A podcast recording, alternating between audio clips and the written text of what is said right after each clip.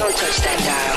unganyakazi hlala nokhozi FM Uhamba phambili. Ingamashumi amabili nanye imzuzu libumbenekela ihora lesikhombisa. Kanti ke ezinye zeindaba esithe sayibona la indaba ethinta ke eh, ukuboshwa ke kwa benkolo yobusulumane eh, abangamashumi amabili nane lapha ke endaweni yasemasibekela eh, embuzini esifundazweni impumalanga la khona amaphoyisa engeneke ngendlovu yangena emthandazweni ke bethandaza afike ke ababopha ke nokho ke ungena kwabo ke befake umfaniswano behlomile bephethe ibhamu kanjalo befake nezicathulo eh kanti indawo lethatha njengendawo engcele ongangenwa nayo nezicathulo eh nanokuthi bakhuluma amagama ke ajivaza umholi ke eh nomsunguli ke inkolo uSulumane uMohammed. Nokungehlanga kahle ke eh kwabe inkolo uSulumane ube sexolisa kundosi eh ngesonto. Sizwile ukuthi ke ube sekhuluma ke exolisa. Nokho ke kube khona ke inkulumo eziningi ke ezithe zezwakala ke kubantu ke manje abathi awu ingana amaphoyisa kade hambe ngena eh, ngendlovu yangena eh engena ngendla kahle emzini yabantu echitha utshwala eh izinyama esuke kade ihlatshiwe kanjalo. Ngisho nesuke seyibekwe emsamo imbala ikhishwa ibekwa zilahla lapha phandle. Kwasuka komkhulu ke umsindo. Abantu ngeinkundleni zokuxhumana ke bekhuluma ke ngezinto ke enjengalezo ukuthi kanti yini indaba ukuthi ke kube sengathi abantu abamnyama bona eh, abathathwa ngokufana nalabo abanye ke bezinye inhlanga na? Ukhona ke la eh, umfoko namajalimani unhlahla ufaka mtaka ozokathi kuhluba udluba ekhasini ngalolu daba. Sibikelela emnguni sikwamukela khosini FM abantu venamandla entana sezasakungela methu Hmm, selokhu kwaqala lockdown mfoka mtaka silokhu sibone njalo ama video nezithombe ezamaphoyisa ke echitha utshwala eh besizulu eh nenyama njalo njalo. Konke lokhu siyazi lapha kwaZulu makusuke kuhlatshiwe eh nanokuthi kuphisi utshwala eh buhleli ngemphongo lobunye buse indaweni busemsamo nakhona indawo ethathwa njengengcwele eh ikakhulukazi enkolweni yesintu. Eh nakho sikubonile ke kwenzeka amaphoyisa echitha utshwala njalo njalo. Eh kodwa manje kubonakala sengazi ukuthi eh uhulumeni sikangancane njengommesi uma ngabe sekubonakala exolisa undosi eh lapha na ke kwabe inkolo eh, yobusulumane angeke mhlawumbe kubonakala sengazi ukuthi umthetho uvuna abanye abantu kodwa abanye eh, isandla siloku siqinile nje mangabe kuza ngakubo. Asikale sivumelane ukuthi likhona iphutha kulento. Okokuqala amaphoyisa awona umthetho angabavikeli bomthetho. Umenge wona umthetho umthetho uthi amaphoyisa awabophe bese inkantolo ijezisa.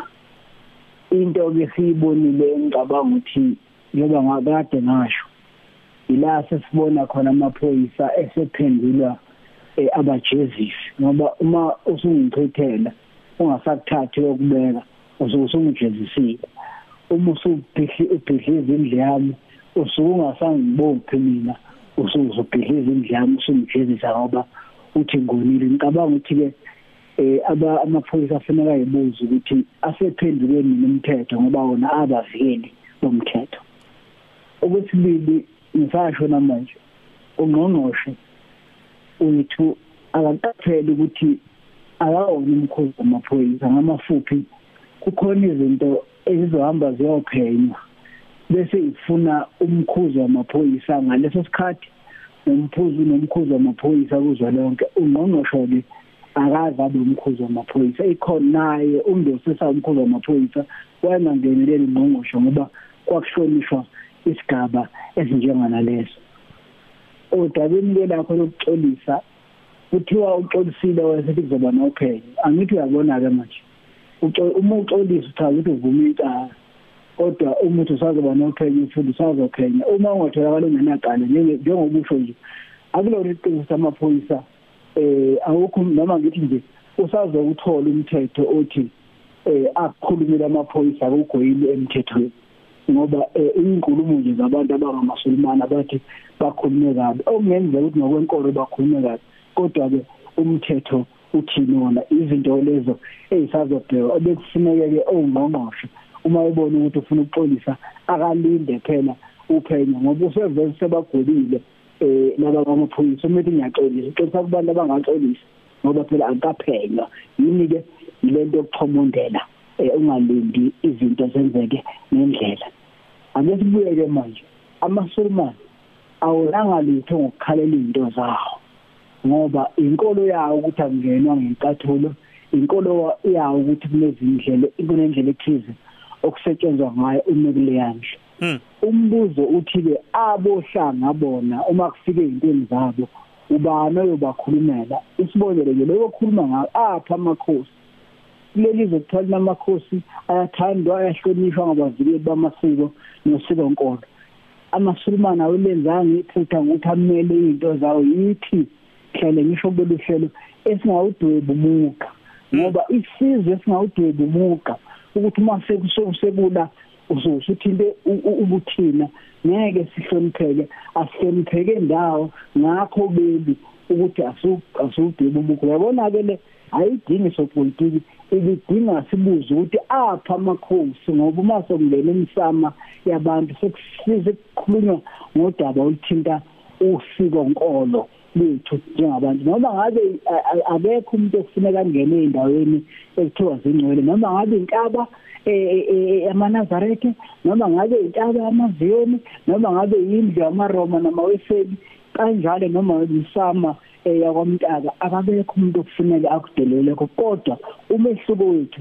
ukuthi manga sekube kwenzeke eh njengosekwenzekile nje kumasulumane kube kwenzeke kumahindu ngaba sesukumile ukube kwenzeke kumajuda ngabe asekusunyiwe yithi nje esingenabazali kulesi sigaba esididwa sidelelwe senze yonke imigilingwane bese kuthula umbuzo uthi ke apha amakhosi alelizwe wona angabavikeli bamaseko mhlambe yini okufanele eh ungqongqosho wamaphoyisa ayenze ukulungisa isimo esinjengalesi njengoba sekukhona ukuvungama nje kwabohlanga ayikho lizethi ngekho nasekuqaleni. Eh uma iphoyisa lenile kunenhlaka eziphenya ukona kwephoyisa. Mase lezo inhlaka zikhuluma ukuthi iphoyisa lenile noma lekhumbula phela iphoyisa umsebenzi. Manje lipheke ayikho umsebenzi nje songqongqoshe ngoba kamntashana ngqongqoshe aqashe umuntu umuntu uqashwa amaphoyisa amaphoyisa nomkhuzi wawo. Bekufuneka ke manje kube nophenyo kuzwakala ukuthi isimo simi kanjani ngoba iphelele phela iviki inkantolo lisazositshela mhlawumbe ukuthi yiyo yini lezinto noma akuseyona nesisetshenziswa yonke leyo nto idinga ubulungiswa okufuneke kwenziwe ngoba njengoba ngisho lawo maphoyisa angabasebenzi suwafake ngendezi wena uma usewaxolisela engakahlali esigcawini la khona uma kuphenywa kuzobona ukuthi kukhona ubugwegwe obenzekile ngamafuphi bekufuneka ngendesi aqhubeke nokuthula akunankinga lokho kwenziwe uphenyo usho kahle nethi ebemntaphone ethi kuzoba nophenyo sifuna ke lokho. Kodwa okufuneke manje ngoba ingangandosile yiyo ngithi ngaloku sichitha isikhathi sikhuluma ngondosi ongakasenze lutho. Okumqoka manje ukuthi ubukhosi lapha elizwe Afrika ngoba kunezinto ezothinta thina ngoba ke ngisibonele isifo ngoba ngoba abantu bayikhuluma kancane le. Yabona udawo lemlindelo mhm akuwona umkhubo owenziwa abantu abafele.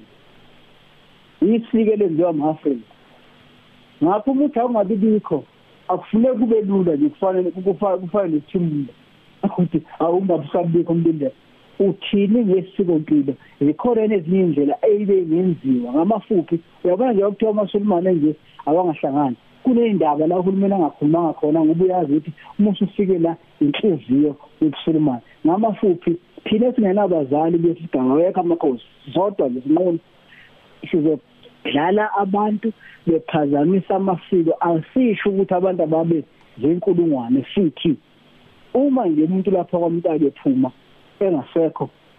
Siyamnameza lapha semsemuntu entayiphi uzothi ke ngelinye ilanga iphoyisa lithi cha ungamemeza kafike kusena sengena emgodini usungilemaze kakhulu. Suwenza into eyinhlekelele kini ngoba kufuna kube khona isikhathi la abala ekhaya betshena khona ukuthi ningahambeni ima yonke imango leshona lani sinenhlona khona.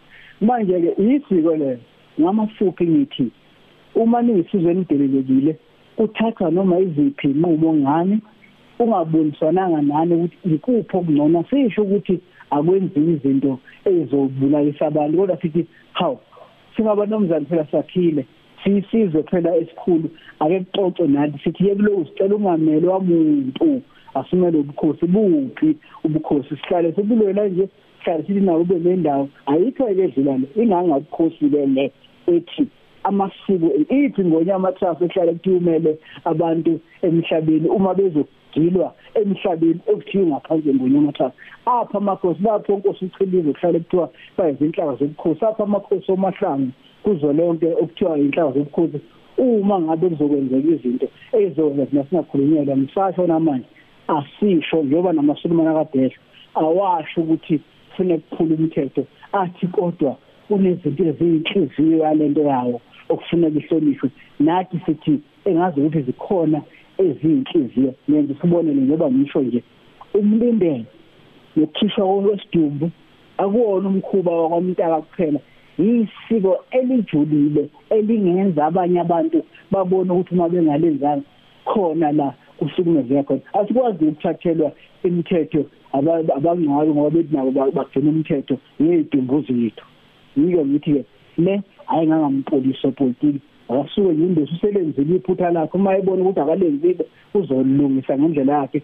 Okumqoka manje ama-Afrika awadebumuka awadebumuka ngoba uma engadebumuka siyohlala sidlala abantu behumusha imithetho ngendlela yabo ungathola ukuthi namaphoyisa lawa ayithatha utshwala engathunywe umuntu akho umthetho nesiqiniseko salokho. Kodwa ngoba siyisizwe singahlonishwa wonke umuntu nje uvuka ulala vuke ngathi nofuna ukubukwa nofuna ukushuthwa nofuna ukwenzani ubukiswa ngathi asitobumuka Vona majalmane siyabonga kakhulu mfowethu sikufisela usoluhle siwukhozi. Siyabonga. Ungamthola ke lapha na ke eh, ku Facebook eh Bayede News kanti ke lapha na ke ku Twitter @nhlanhla mtaka.